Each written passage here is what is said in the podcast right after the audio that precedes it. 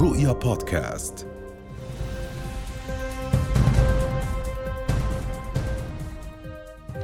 النشرة الرئيسة من رؤيا حياكم الله والبداية من أبرز العناوين. الملك في خطاب العرش التصعيد الخطير في فلسطين يؤكد حتمية إقامة الدولة الفلسطينية.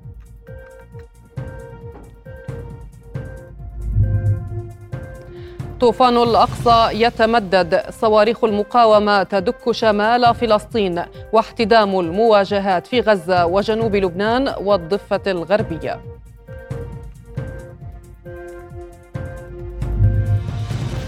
تحذيرات من كارثة إنسانية. الاحتلال ينتقم من المدنيين في غزة عبر قطع الكهرباء والماء والغذاء.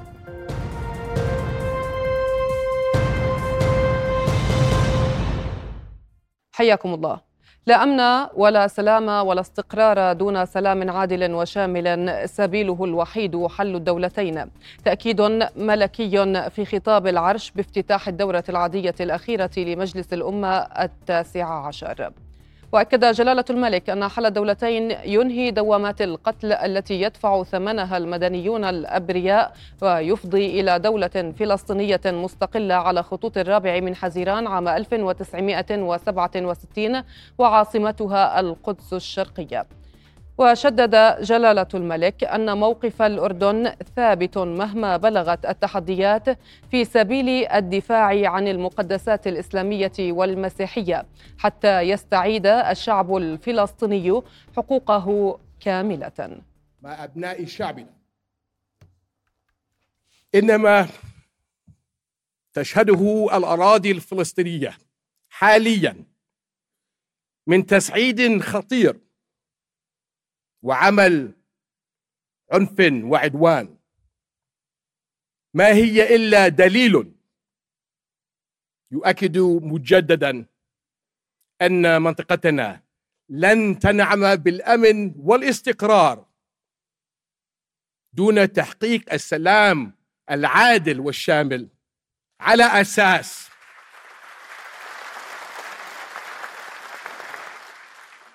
على أساس حل الدولتين ليحصل الشعب الفلسطيني على دولته المستقلة ذات السيادة على خطوط على خطوط الرابع من حزيران عام 1967 وعاصمتها القدس الشرقية. طوفان الأقصى يمتد ويصل إلى الشمال المحتل ليدك مواقع للاحتلال الإسرائيلي في رد من المقاومة على ضربات مكثفة نفذها ضد قطاع غزة لليوم الخامس على التوالي. وأعلنت المقاومة أنها قصفت مدينة حيفا بصاروخ من طراز آر 160 وذلك عقب رشقة كبيرة من صواريخ المقاومة الفلسطينية أطلقت مساء اليوم باتجاه عسقلان وبئر السبع. كما وجهت المقاومة المقاومة ضربات صاروخية مكثفة تجاه تل أبيب ومستوطنات في غلاف غزة. هذا وأفادت إذاعة جيش الاحتلال بدوي صفارات الإنذار تحذيرا من تسلل طائرات مسيرة إلى حيفا وجلبوع والكرمل والاشتباه باختراق 15 طائرة شراعية الحدود من لبنان على متنها مقاتلون منطقة أفيفيم في الجليل الأعلى في الشمال المحتل. قفز عدد الشهداء إلى 1055 شهيدا بينما زاد عدد الجرحى عن خمسة ألاف وفق وزارة الصحة الفلسطينية في قطاع غزة. وأعلنت الوزارة أن قرابة 60% من الإصابات جراء قصف الاحتلال المتواصل وقعت بين النساء والأطفال. وقال وكيل الوزارة يوسف أبو الريش إنه تم استنفاد جميع أسرة المستشفيات كما أن الأدوية والمستهلكات الطبية في طريقها للنفاذ وكانت وزيرة الصحة الفلسطينية مي الكيلة أعلنت في وقت سابق أن مخزون الوقود لتشغيل المولدات في مشافي قطاع غزة ينتهي يوم غد الخميس. وقالت الكيلة أيضا أن ذلك سيفاقم من الأوضاع الكارثية في المشافي خاصة بعد توقف الكهرباء بعد ساعات من الآن. وفي أبرز التطورات في الضفة الغربية المحتلة أعلنت وزارة الصحة الفلسطينية ارتفاع شهداء المواجهات منذ بدء عملية طوفان الأقصى قبل خمسة أيام إلى 27 شهيدا و130 جريحا استشهدوا برصاص قوات الاحتلال في كل من القدس وجنين وطول كرم. وذكرت وزارة الصحة الفلسطينية في بيان لها أن شابين فلسطينيين استشهدا برصاص الاحتلال إثر مواجهات في القدس إضافة إلى استشهاد شاب آخر في طول كرم. وقالت جمعية الهلال الأحمر الفلسطيني إن طواقمها تعاملت مع أربع إصابات بالرصاص الحي على حاجز الجلمة في طول كرم. وجرى نقلهم إلى المستشفى. ولاحقا أعلنت وزارة الصحة وصول شهيدين إضافة إلى ثلاثة جرحى اثنان منهم في حالة حرجة إلى مستشفى ابن سينا في جنين. أصيب ثلاثة أشخاص جراء قصف الاحتلال على قرى وبلدات حدودية في القطاع الغربي من جنوب لبنان وفق إعلام حكومي. وأفادت الوكالة الوطنية للإعلام في لبنان أن اعتداءات الاحتلال الصباحيه على القرى والبلدات الحدودية خلفت أضرارا كبيرة في الممتلكات والحقول الزراعية. ولليوم الثالث على التوالي أطلقت دفعة جديدة أو دفعة جديدة من الصواريخ من جنوب لبنان باتجاه أهداف للاحتلال شمالي البلاد. وقبل ظهر هذا اليوم أعلن حزب الله أيضا استهداف موقع عسكري للاحتلال مقابل منطقة الظهيرة الحدودية بالصواريخ فيما رد الاحتلال بقصف بالمدفعية على بلدات حدودية عدة. وكان حزب الله شيع يوم أمس الثلاثاء ثلاثة من عناصره استشهدوا إثر قصف الاحتلال الإسرائيلي. للوقوف على آخر التفاصيل في قطاع غزة بعد اليوم الخامس من العدوان الإسرائيلي. عليه ينضم إلينا الآن مراسل رؤيا من قطاع غزة غازي العلول عبر الهاتف. أهلا بك غازي. إذا غازي يعني لليوم الخامس على التوالي والجيش الإسرائيلي يواصل عدوانه على قطاع غزة. ضعنا في صورة قطاع غزة الآن خاصة بعد قطع الكهرباء وفرض حصار كامل من قبل الاحتلال على القطاع. نعم إخلاص حالة القطاع الآن يرثى لها بكل القطاعات ومن كل الزوايا. الناظر إلى الشوارع مثلا ينظر إلى كومات كبيرة من الرماد ومن الركام. أيضا في داخل المستشفيات أعداد من المصابين تكاد لا تحصى وأيضا أعداد الشهداء لا آه، تتوقف عن آه، عند رقم معين بل تزداد في كل لحظة.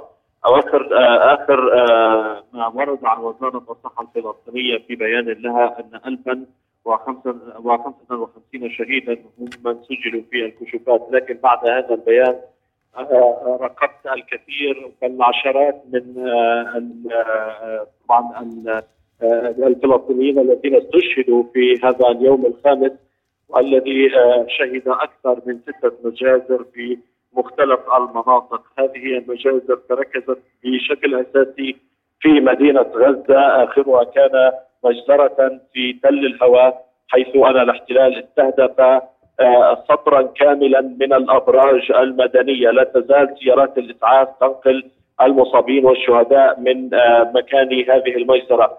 أيضا مجزرة أخرى حدثت في حي الصبرة حيث استهدف آه، الاحتلال مجموعة من الأطفال يلعبون في الشارع كلهم آه، باتوا في آه، تعداد الشهداء. وكل الذين استشهدوا في هذه هذه الغارة التي طالت ثلاثة منازل وكذلك الشارع أمام هذه المنازل. كلهم من الأطفال ليس أكثر ولا أقل. أيضا كان هناك مجزرة في منطقة الجلاء. آه، مفترق يعرف باسم عبد العال وهذا المفترق آه، يعني آه، لساعة كاملة سيارات الإسعاف والسيارات المدنية تنقل المصابين. أيضا كانت ظهر اليوم مجزره مختلفة ومن نوع آخر حيث ارتكب الاحتلال هذه المجزره في منطقة جباليا لسياره إسعاف استشهد أربعة من المسعفين في غارة طالتهم بعد أن كانوا آه، قد نتفق مع الصليب الأحمر لنقل المصابين من تلك المنطقة المستهدفة فور وصولهم لذلك المكان الاحتلال الإسرائيلي ارسالهم من خلال قصف سيارة الإسعاف لترتفع عدد سيارات الإسعاف المستهدفة إلى سبعة وأيضا ترتفع أعداد المسعفين.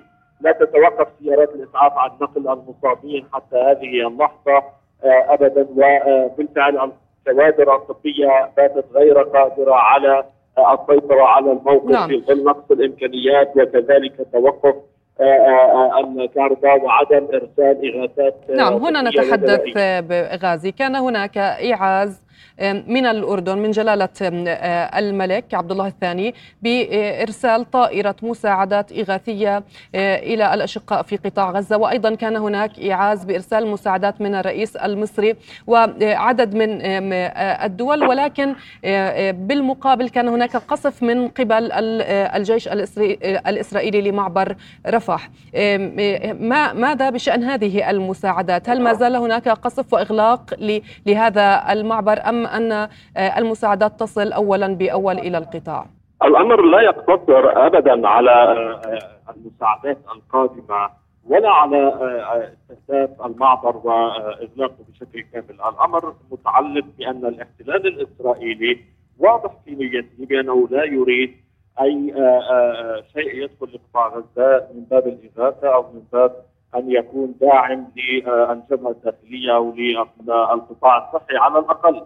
يعني آه، آه، هو أكد في مرات عديدة بأن أي قافله إغاثية يعني تسير وستنطلق باتجاه قطاع غزة سيتم استهدافها قالها بصريح العبارة، أيضا يمكن استنتاج هذه الأيام من التصريحات التي خرج بها قبل ذلك آه، وزير الدفاع يوز قال بأنه لا يريد لا ماء لا طعام لا شراب لا وقود لقطاع غزة، هو يريد عزل هذه البقعة التي آه، مساحتها 365 كيلو مترا آه، عن كل العالم لا يريد من أحد أن آه، طبعا يصل إلى هذه المكان. ويعني الخطر الأكبر كذلك يتشكل في قضية الكهرباء التي بالفعل عند الثانية ظهرا أكدت سلطة الطاقة أن كل الوقود الذي لديها وآخر دفعة كانت آه، تشغل بها شركة آه، التوليد.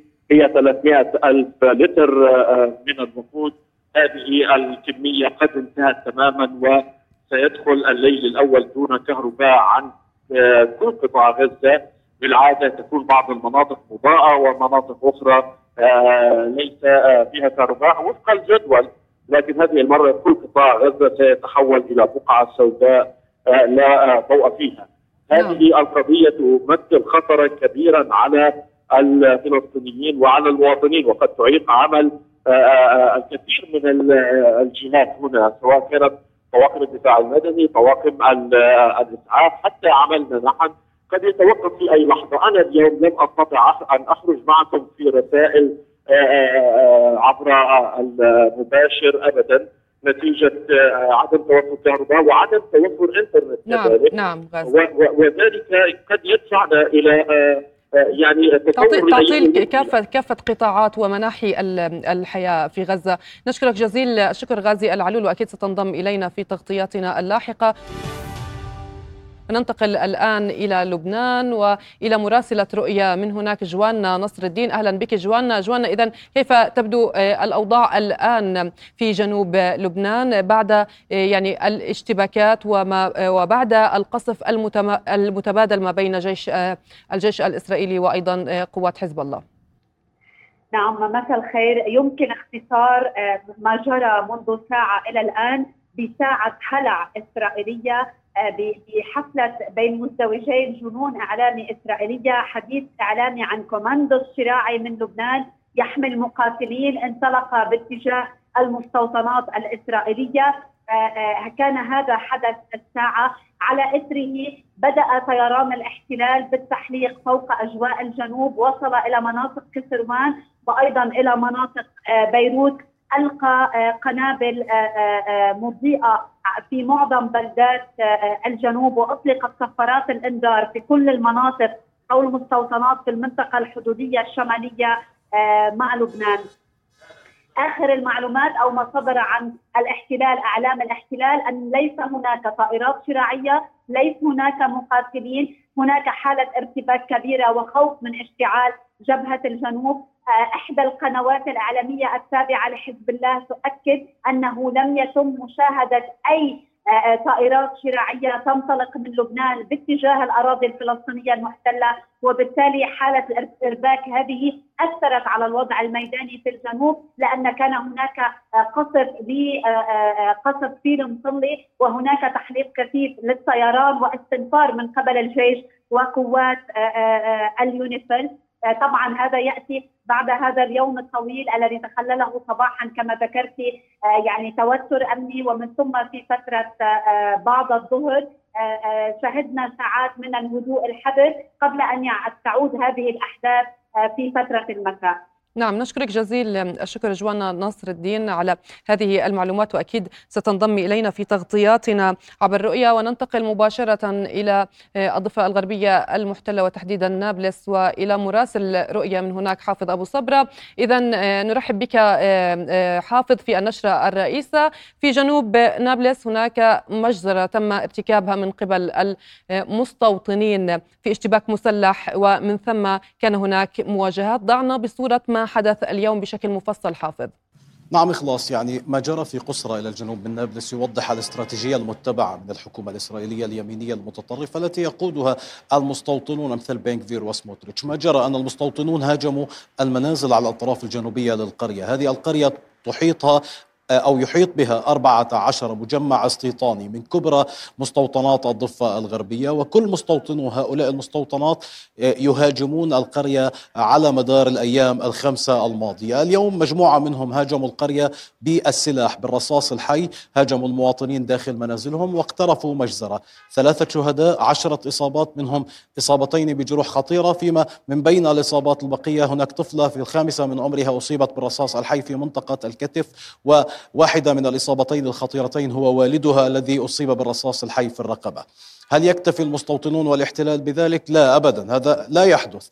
نقلت الإصابات لمشافي نابلس وسلفيت. استشهد الشبان الثلاثة ولكن قوات الاحتلال اقتحمت القرية وبدأت بإطلاق الرصاص صوب من تبقى من الشبان هناك. هذا وقع في ذات الوقت الذي أطلق فيه مقاومون الرصاص الحي صوب قوات الاحتلال التي اقتحمت القرية. اندلع اشتباك مسلح أعقبته مواجهات بالحجارة بين السكان وقوات الاحتلال التي واصلت إطلاق الرصاص الحي صوب. كل ما يتحرك على الأرض ما أدى إلى إصابة شابين أحدهما كانت جراحه خطيرة في منطقة الرأس نقل إلى المستشفى العربي في نابلس حيث أعلن عن استشهاده ليكون الشهيد الرابع ولتكون هذه المجزرة دلالة على أن المستوطنين و جنود الاحتلال الذين يمثلون هذا الجيش الإسرائيلي يعملون في ذات النطاق في ذات السياق في ممارسة الأفعال الإجرامية العنصرية بحق المواطنين الفلسطينيين.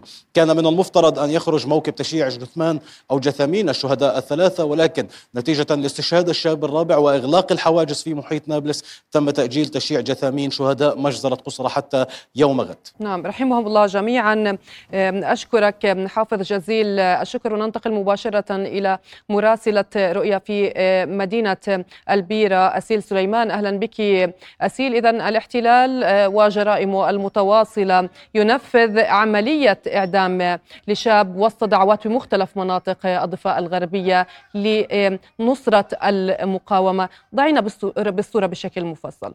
نعم يعني نحن نتواجد الآن أمام مسجد البيرة الكبير أو مسجد جمال عبد الناصر وهو أحد المساجد الرئيسية في مدينة البيرة حيث دعت حركة المقاومة الإسلامية حماس لمسيرة جماهيرية تنطلق من عند المسجد هذا الذي نتواجد بعد المغرب والعشاء يبدأ المواطنون حاليا بالتمركز أمام المسجد وأيضا بعد انتهاء الصلاة سيكون هناك المزيد من التجمع من مختلف مناطق مدينة رام الله أمام هذا المسجد بالتحديد. لتنطلق المسيرة بعد ذلك إلى وسط مدينة ينطلق الشبان إلى نقاط التماس مع الاحتلال في منطقة حاجز قلنديا شمال القدس المحتلة وأيضا حاجز مغتصبة بيت إيل شمال البيرة ومختلف نقاط التماس. نحن نتحدث عن مسيرات شعبية بدأت تخرج في مواقيت محددة يعني في الأيام الأولى للحرب لم يكن هناك تنسيق أو ترتيب لهذه المظاهرات. كانت تخرج كل أربع إلى خمس ساعات. الآن مثلا المسيرة المركزية في رام الله تنطلق كل يوم في تمام الساعة الخامسة. وأيضا سيكون هناك مسيرات رئيسية انطلاقا من عند المساجد في آه، لنقل تمام الساعة الثامنة مساء. المقاومة الشعبية تتناسب طرديا وتضطرد مع آه، ارتفاع آه، وتيرة عنف الاحتلال وانتهاكاته يعني نتحدث عن 28 شهيدا اليوم وهناك أيضا إصابة خطيرة لشاب في مواجهة بلدة بيت فجار. كما يجري الحديث أن عملية إعدام الشاب صباح اليوم في أو بالقرب من حاجز النفق بالقرب من مدينة بيت لحم. كانت عبارة لعامل يعني هي عملية إعدام لعامل. طبعا كما تعلمون قوات الاحتلال رحلت جميع العاملين الغزيين في الداخل المحتل إلى مدن الضفة الغربية، الحديث يدور على أن هذا الشاب الذي تم إعدامه واتهم بأنه نفذ عملية آه، طعن هو أحد هؤلاء العمال الذي الذي وجد نفسه آه، يعني آه، فجأة وسط مدينة وسط عفوا الضفة الغربية هائما على وجهه كما فعل الاحتلال مع بقية العمال الذين يعني توزعوا طبعا على المؤسسات الرسمية وغير الرسمية في مدينة رام الله وغيرها من المدن الفلسطينية التي وصلوا إليها. وأيضا مناطق وما زالت حتى الآن حملات الإغاثة وتأمين المساكن آه، آه، يعني التي تليق بهم آه، حتى الآن جارية. هناك أيضا دعوات لترميم الفنادق وتجهيزها لاستقبالهم وهذا ما يزال يجري على قدم وساق. تجري الآن أيضا مواجهات على حاجز مغتصبة بيت إيل شمال مدينة ألبيرة. الاحتلال يطلق قنابل الغاز بكثافة صوب المواطنين وهناك أيضا آه، آه، يعني مواجهات عنيفة على حاجز آه، قلنديا شمال القدس المحتلة نعم. المواطنون بدأوا بالتجمع أمام المسجد مسجد البيرة الكبير أو مسجد جمال عبد الناصر كما هو معروف نعم. اسنادا للمقاومة الفلسطينية في غزة هذه هي الصورة نعم. أشكرك جزيل الشكر مراسلة رؤيا تحديدا من مدينة البيرة اليوم. تنضمين إلينا أسيل سليمان. شكرا جزيلا. لك. وننتقل مباشرة إلى الزميل غازي العلول في قطاع غزة. أهلا بك غازي مجددا. إذا غازي هناك أنباء عن مطالب بإخلاء المستشفى الميداني الأردني. ضعنا بالصورة بشكل مفصل وما صحة هذه الأنباء.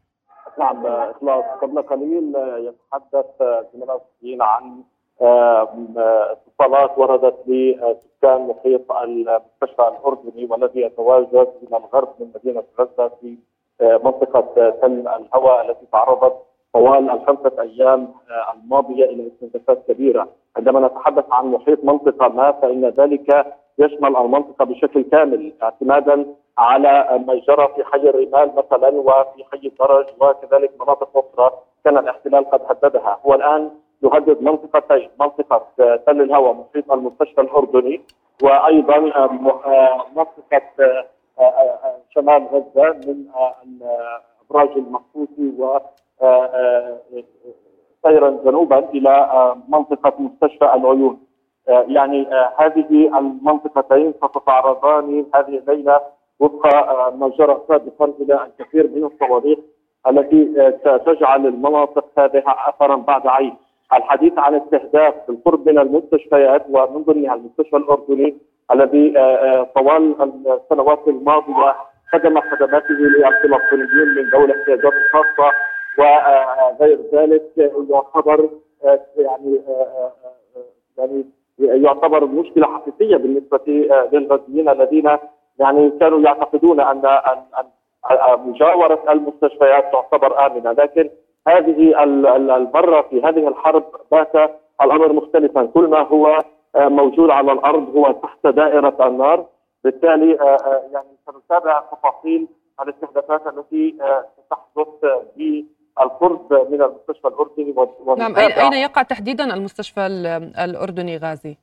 نعم المستشفى الأردني يقع آه، بالتحديد إلى الغرب من مدينة غزة في منطقة تل الهواء في آه، آه، طبعا إلى الغرب كما تحدث وهي منطقة مليئة بالسكان ومكتظه كذلك أيضا محيط هذا المستشفى ابدا لم يشكل طوال الفترة الماضية والسنوات الماضية أي خطر أو كما يدعي الاحتلال بأنه يضرب المناطق العسكرية التابعة لحركة حماس والمناطق الأمنية، محيط هذا نعم. المستشفى لا يوجد نعم فيه ابدا. نعم أي مقرات أمنية أو ما شابه ذلك، بالتالي يعني على ما يبدو بأنه يأخذ الاحتلال نعم يعني تدمير كاف كافة البنى التحتية وتدمير كافة يعني مناحي الحياة في غزة هذا ما يهدف إليه الاحتلال وهو ليس بالغريب.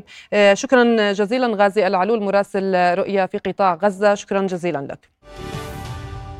حذرت الصحة الفلسطينية من نفاذ مخزون الوقود لتشغيل المولدات في مستشفيات قطاع غزة غدا الأمر الذي سيفاقم الأوضاع المأساوية في القطاع الصحي سيما بعد خروج محطة الكهرباء عن الخدمة. منظمات حقوقية تشير إلى أن ما يجري في غزة يمثل كارثة إنسانية شاملة وسط انقطاع الكهرباء والمياه عن أكثر من 90% من السكان المدنيين وتعطيل مختلف أشكال الإمدادات الحيوية وكارثة إنسانية وشيكة في الأفق. إذا يواجه الغزيون حرب إبادة مع قطع جميع إمدادات الحياة. هذا أول عزل شامل تحت وابل القنابل يشهده القطاع الأكثر كثافة سكانية في العالم. وتاليا أكثر الحروب شراسة والفواجع التي حلت بسكان القطاع منذ مطلع الألفية. إذا النشرة مستمرة ونتابع فيها بعد هذا الفاصل.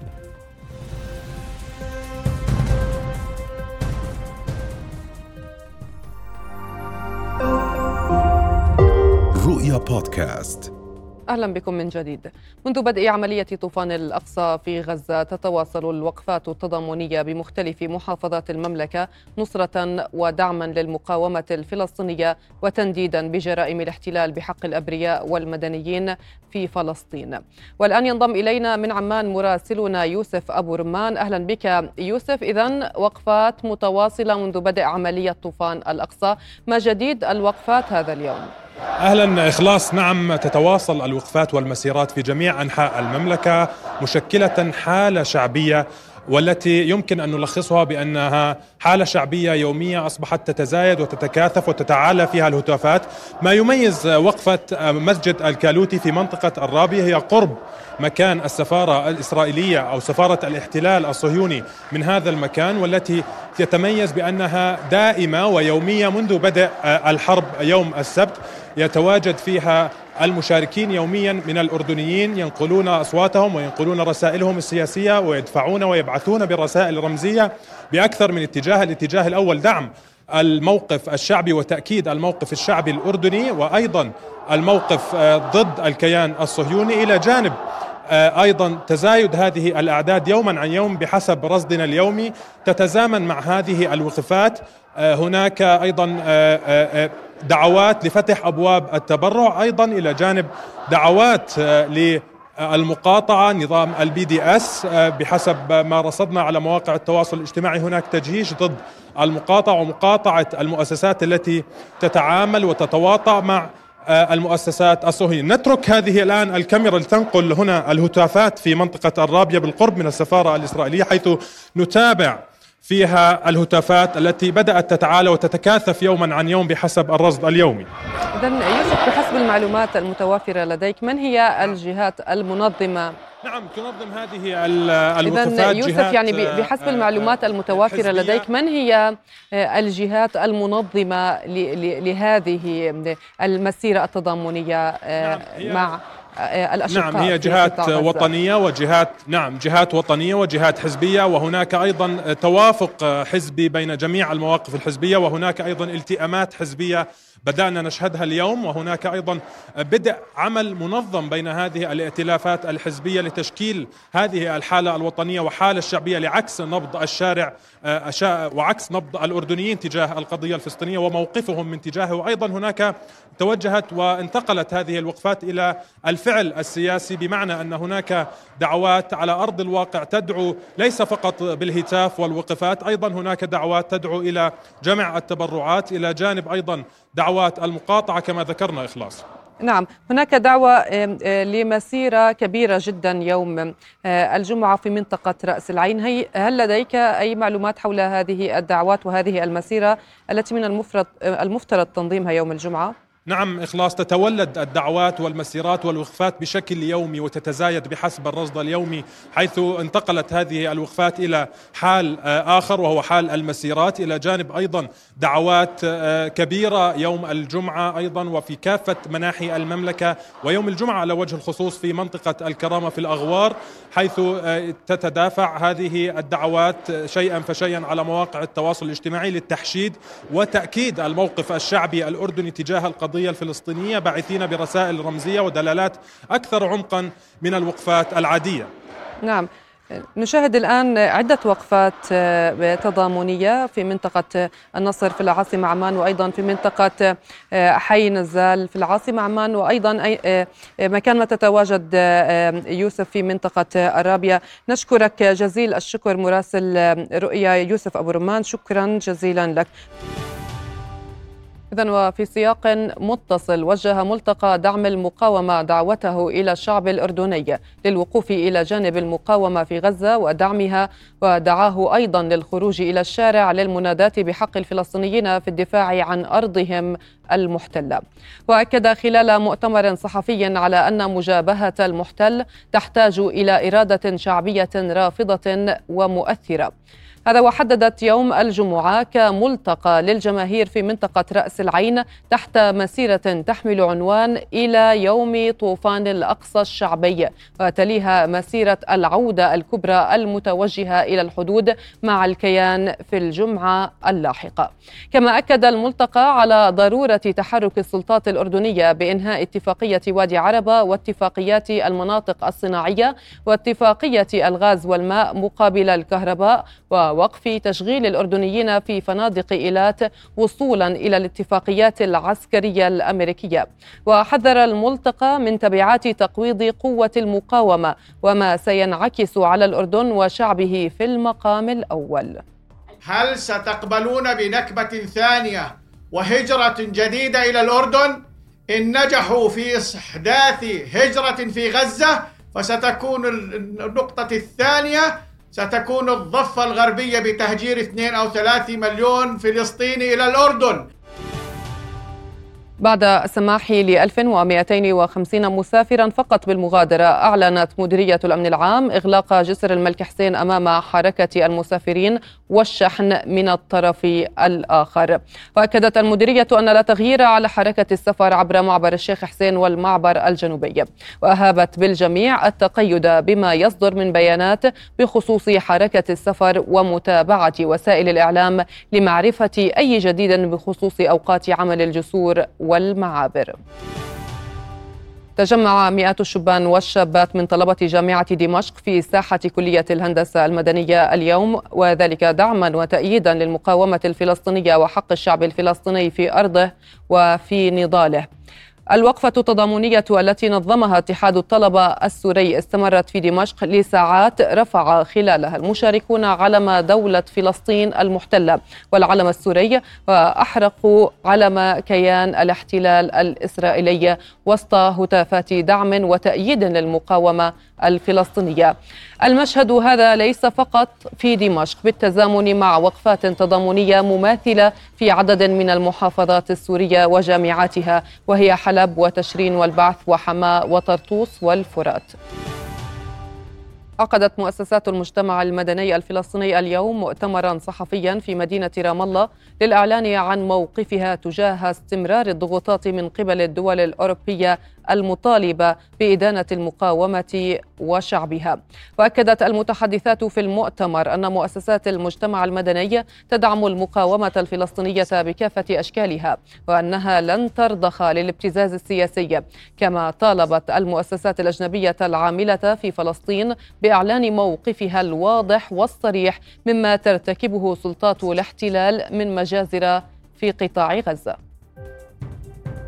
إذا النشرة الرئيسة مستمرة ولكن بعد هذا الفاصل.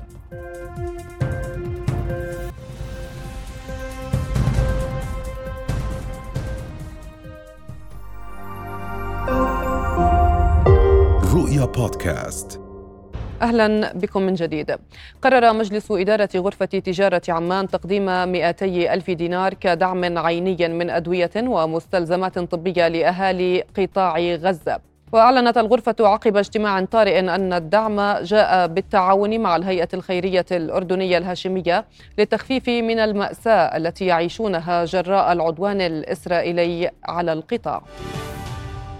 دعت النرويج المجتمع الدولي إلى مواصلة مساعداته للفلسطينيين بعد أن علقت دول أوروبية مساعداتها التنموية للقطاع مع انطلاق طوفان الأقصى آخرها الدنمارك والسويد. وزيرة الخارجية النرويجية قالت بصفتها رئيسة مجموعة المانحين الدولية للفلسطينيين إنها تحث المجتمع الدولي على مواصلة تقديم المساعدة المالية للشعب الفلسطيني لأن الوضع في المنطقة سيتدهور إذا علقت المساعدات. وأضافت أن المساعدات الإنسانية لأهل غزة يجب أن تكون أولوية قصوى. وصلنا إلى ختام النشرة.